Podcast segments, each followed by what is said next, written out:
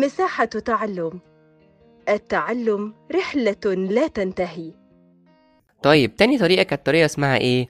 برافو كانت طريقة اسمها الاختلاف. الاختلاف بقى بتقول إيه؟ وهنقول برضو إيه؟ النص الأول بعد كده نبدأ إن إحنا نشرحه. بتقول إذا وجدت حالة تحدث فيها الظاهرة وأخرى لا يحدث فيها. وكانت الحالتين تتماثلان في كل الظروف باستثناء ظرف واحد كان هذا الظرف علة الظاهرة أو معلولها. مستر مش فاهمين. يلا ندي مثال نكمل ندي مثال.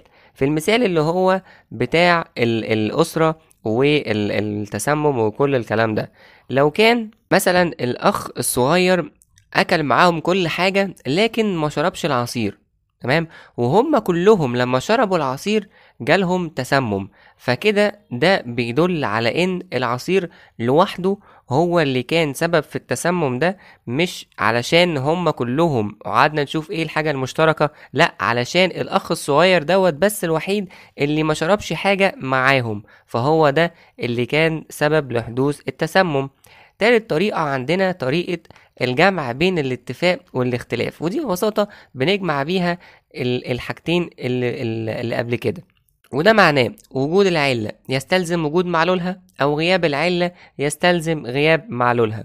وجود العصير هو اللي عمل تسمم أو غياب العصير هو اللي عمل لهم هم تسمم مش عمل لي أنا. رابع طريقة كانت طريقة التلازم ودي بيقصد بيها لما تغير العلة تتغير معلول معاها بطريقة طردية ودي بنستخدمها في مجالات معينة زي مثلا لما نقول إن إحنا لما الطفل يجي ياخد حاجات فيها كالسيوم دوت بيبدأ إنه يساعد في نمو نمو الأطفال حاجة معينة بديها له فمعنى كده إن هو بيزود على حاجة تانية. طيب لما تزيد نسبة البطالة في في البلد بيحصل إيه؟ مثلا ممكن إن هو يحصل ارتباط دائم أو يحصل ارتفاع في نسبة الجريمة. يعني في تلازم في علاقة في طريقة طردية ما بين حاجتين. خامس طريقة وآخر طريقة من ضمن الطرق اللي قدمها جون ستيوارت ميل كان بيقول هي طريقة البواقي. لو فرضنا مثلا إن طريقة ألف هي هي أو عندنا مثلا ألف وب دول علتين لجيم ودال. بمعنى إن دلوقتي عندنا ال- ال- التسمم سببه العصير تمام؟ ومثلا ال- الصداع والدروخة دوت سببه طول المدة أو طول المسافة اللي ما بين مطعم وما بين بيت بتاع الأسرة. يعني يا مستر الكلام دوت. طيب آجي أقول لك مثلا دلوقتي لو افترضت إن أنت مثلا دلوقتي في يوم معين غبت من المدرسة تمام؟ بس أنت قبلها كنت عارف إن المدرسة بتاعتك داخلة في مسابقات زي مسابقة الرسم والموسيقى. اتفقنا؟ اتفقنا. اليوم بتاع المسابقة دوت أنت غبت من المدرسة. لكن يعني وأنت في مشوار كده آه بالليل قابلت واحد صاحبك من مدرسة تانية. المدرسة التانية ديت قالك إيه بقى هو؟ قالك بص ده إحنا والمدرسة بتاعتكو أخدنا جايزة من دو أو أخدنا أخدنا جايزتين طب أخدتوا الجايزتين في إيه؟ أخدنا الجايزتين في الرسم والموسيقى. يبقى أنت كده هتعرف تلقائيا إن مدرستك أخدت جايزتين وممكن تكون أخدت الجايزتين دول في الرسم والموسيقى. بس خد بالك إحنا هنا بنقول ممكن تكون ممكن تكون ممكن تكون من المرجح إن هي تكون أخدت نفس الجايزتين دول في الرسم والموسيقى. ممكن تكون أخدت مثلا جوائز تانية أو جايزتين في حاجة تانية أو في حاجة تالتة أو في مجال تالت. هنا بيكون يعني طريقة البواقي ديت طريقة بت... بت... بتفهمنا حاجة معينة لكن بالنسبة للاستقراء إحنا بنقول إن ده مرجح ومش يقيني. وبكده خلصنا جون ستيوارت ميل وتعالى بقى إيه نيجي للعلماء ال- المسلمين بقى. الحتة اللي العلماء المسلمين بتوعنا عملوا إيه وإيه اللي حصل. اتكلمنا عن عالمين واحد اسمه جابر بن الحيان والتاني اسمه الحسن بن الهيثم. جابر بن الحيان دوت بقى بدأ إن هو يعني وصفه المؤرخين بإنه رجل التجارب العلمية. بدأ إن هو يوضح خطوات معينة تمام اسمها خطوات المنهج الاستقراء التجريبي ولخصه في ثلاث خطوات. كانت إن يأتي الكيميائي بفرض من خلال مشاهدته حتى يفسر الظاهرة. إن دلوقتي الكيميائي يجي بفرض لما يشاهد الظاهرة يعني إيه؟ بص بص بص يلاحظ الظاهرة يحط فرض ويبدأ يفسر الظاهرة. تاني حاجة يستنبط من الفرض نتائج تترتب عليه نظريا. آخر حاجة أن يعود بالنتائج ديت للطبيعة ويتأكد من صدقها أو كذبها فلو صدقت يبقى تحولت لقانون علمي دي كانت إسهامات جابر ابن الحيان باختصار. ندخل, على الحسن بن الهيثم كانت اسمها إسهاماته إيه؟ ابن الهيثم ده كان عالم موسوعي. قدم إسهامات كبيرة في الرياضيات والبصريات والفيزياء والفلك والهندسة والطب العيون والفلسفة وحاجات كتير جدا. كانت يعني مفاهيم بتاعته بتستند على نظريات أرسطو وإقليدس وبطليموس وأثبت أن الضوء يأتي من الأجسام إلى العين وليس من العين إلى الأجسام وإليه بينسب اختراع أو مبادئ اختراع الكاميرا ويعد أول من شرح العين تشريحا كاملا. ووضح وضح وظائفها ووضع كده إيه الدنيا ماشية معاها إزاي ووظيفتها وكل الكلام ده. الحسن بن الهيثم كمان بيعد المؤسس الأول لعلم المناظير وأول من تعامل مع نتائج الرصد والتجارب وهو أول اللي حاول يفسر النتائج ديت رياضيا. الحسن بن الهيثم من الناس الكبيرة جدا والناس العلماء اللي اللي فعلا أسهم وقدم حاجات كتير جدا. طب المنهج العلمي عند ابن الهيثم بقى بيقول إيه؟ أو بيتم إزاي؟ بيقول اعتمد المنهج عن المنهج العلمي عند ابن الهيثم على الاستقراء بمثابة منهج يقيني يهدف إلى البحث عن حقيقة الأشياء. بنحاول إن إحنا نستقرأ ونبحث عن حقيقة الأشياء. تاني حاجة المنهج الاستقرائي هنا يعتمد فيه الذهن على الانتقال من المعرفة الجزئية للمعرفة الكلية. جميل جدا. تالت حاجة بيعتمد على دراسة لحالات جزئية مختلفة للقيام بتحليلها ثم تحويلها إلى بيانات رياضية. خد بالك تحويلها لبيانات رياضية بعد كده علشان يوصل للقانون العام اللي بينطبق على جميع الحالات المشابهة. المنهج اللي استخدمه ابن الهيثم أكد عليه الفيلسوف الإنجليزي راسل بقوله إن العلم يبدأ بدراسة الحقائق الجزئية. وبكده نكون خلصنا سهامات الحسن ابن الهيثم وخلصنا كمان دور علماء المسلمين في المنهج الاستقرائي التجريبي.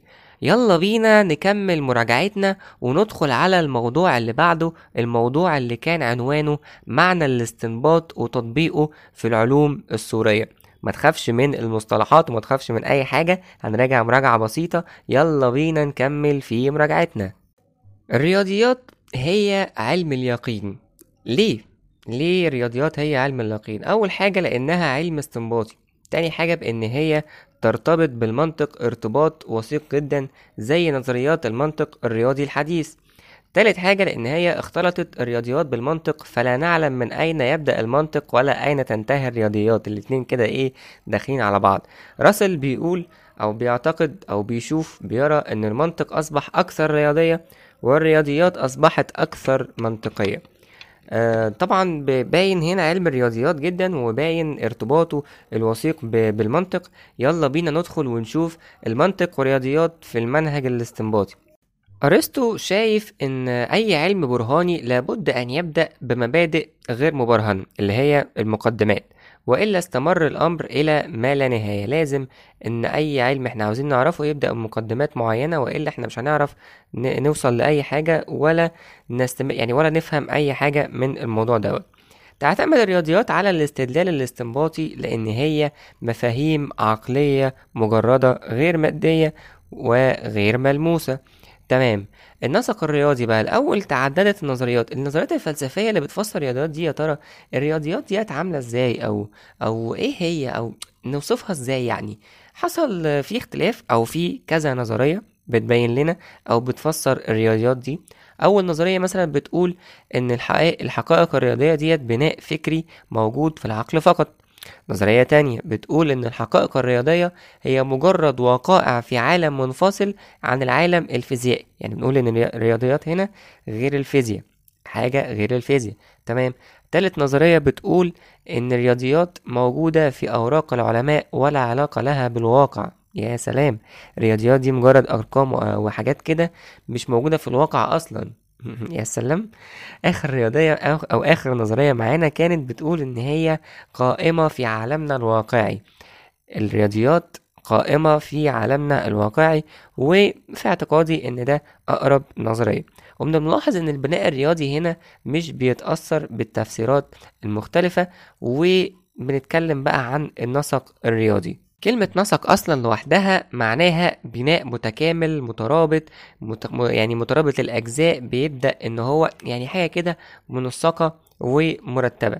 بناء مترابط الأجزاء متكامل يتكون من مقدمات وهي مفاهيم أو معرفات أو لا معرفات. إيه ده إيه ده إيه ده مستر مش فاهمين. هنكمل هنكمل ما تقلقش. طيب وبيتكون من مفاهيم قلنا وبيتكون من قضايا زي البديهيات والمسلمات وبيضم قضايا أخرى تسمى المبرهنات والنتائج التي يتم البرهنة عليها.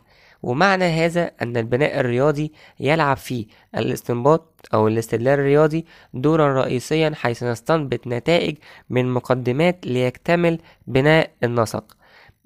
مستر مش فاهمين هنكمل ما تقلقش هنكمل وإحنا بنفتكر. لذلك نصنف الرياضيات بأنها نسق استنباطي يتصف القضية فيها بعدة صفات. إيه هي بقى الصفات اللي بتحصل في النسق الاستنباطي الرياضي دوت؟ أول حاجة إن هي قضية تعبر عن تحصيل حاصل يعني إن محمولها لا يضيف جديد إلى موضوعها تمام؟ تعتمد على مبدأ عدم التناقض بين طرفيها تمام؟ تعبر عن اللزوم المنطقي أي أن الشطر الثاني يلزم لزوما منطقيا عن الشرط الأول. تمام. النسق الرياضي بقى بيتكون من إيه؟ إيه اللي بيحصل؟ وهي دي الحتة اللي أنت كنت بتقول إن أنت محتاج إن أنت آه، مش فاهمها ومحتاج إن أنت إيه؟ نتكلم فيها أكتر. النسق الرياضي بيتكلم من حق... بيتكون من حاجتين حاجة اسمها مقدمات وحاجة اسمها نتائج. حلوة كده حلوة كده. المقدمات دي بتتقسم لكذا حاجة حاجة اسمها المعرفات أو التعريفات تاني حاجة اسمها اللا معرفات أو اللا تعريفات تالت حاجة اسمها البديهيات والمسلمات. اتفقنا؟ اتفقنا. في بينهم أوجه اختلاف وفي بينهم أوجه اتفاق وكده إيه يلا بينا نكمل. بعد كده قلنا إن الجزء التاني بيتكون من نتائج وهي النظريات والمبرهنات تعال نفصص وتعال نفتكر تاني وتعال نشوف هنقول إيه. المعرفات دي هي مجموعة من المفاهيم الرياضية اللي بيعرفها الرياضي لكن أو أو عشان علشان ما يحصلش أي لبس أو أي غموض. بص بقول لك إيه أنا جاي بعرفك إن إحنا عندنا دلوقتي تفاح وموز وبرتقال ومش عارف إيه بعرفك إيه الحاجات علشان ما نبقاش إن إحنا يعني إيه نتلخبط بعد كده. تمام؟ هنا بيقول لكل نسق من أنساق الرياضيات تعريفاته الخاصة. وتعتبر هذه التعريفات اشتراطية يضعها الرياضي وليس لنا أن نختلف معه بشرط أن يلتزم بها. طوال النسق لا يغيرها. ده مهم جدا جدا جدا جدا جدا. إن هو ما يغيرش الأسامي أو ما يغيرش حاجة. يعني مثلا لو بنقول إن إحنا عاوزين نعرف آه، آه، رقم س دوت هو إيه. خلاص يبقى طول ما إحنا ماشيين هنكمل على س بس. هنقول إن هو س بس ما نغيرش في المسميات. هندي رمز س يبقى هو رمز س طول النظرية وطول المعادلة وطول المسألة الرياضية اللي عندنا. يعني إحنا كده بندي معرف معين بشرط إن إحنا نتفق أو نلتزم دايما بنفس المعرف ده اللي هو س من أمثلتها مثلا تعريف إقليدس بيقول النقطة بإن هي ما ليس له أجزاء والخط بإنه طول بغير عرض.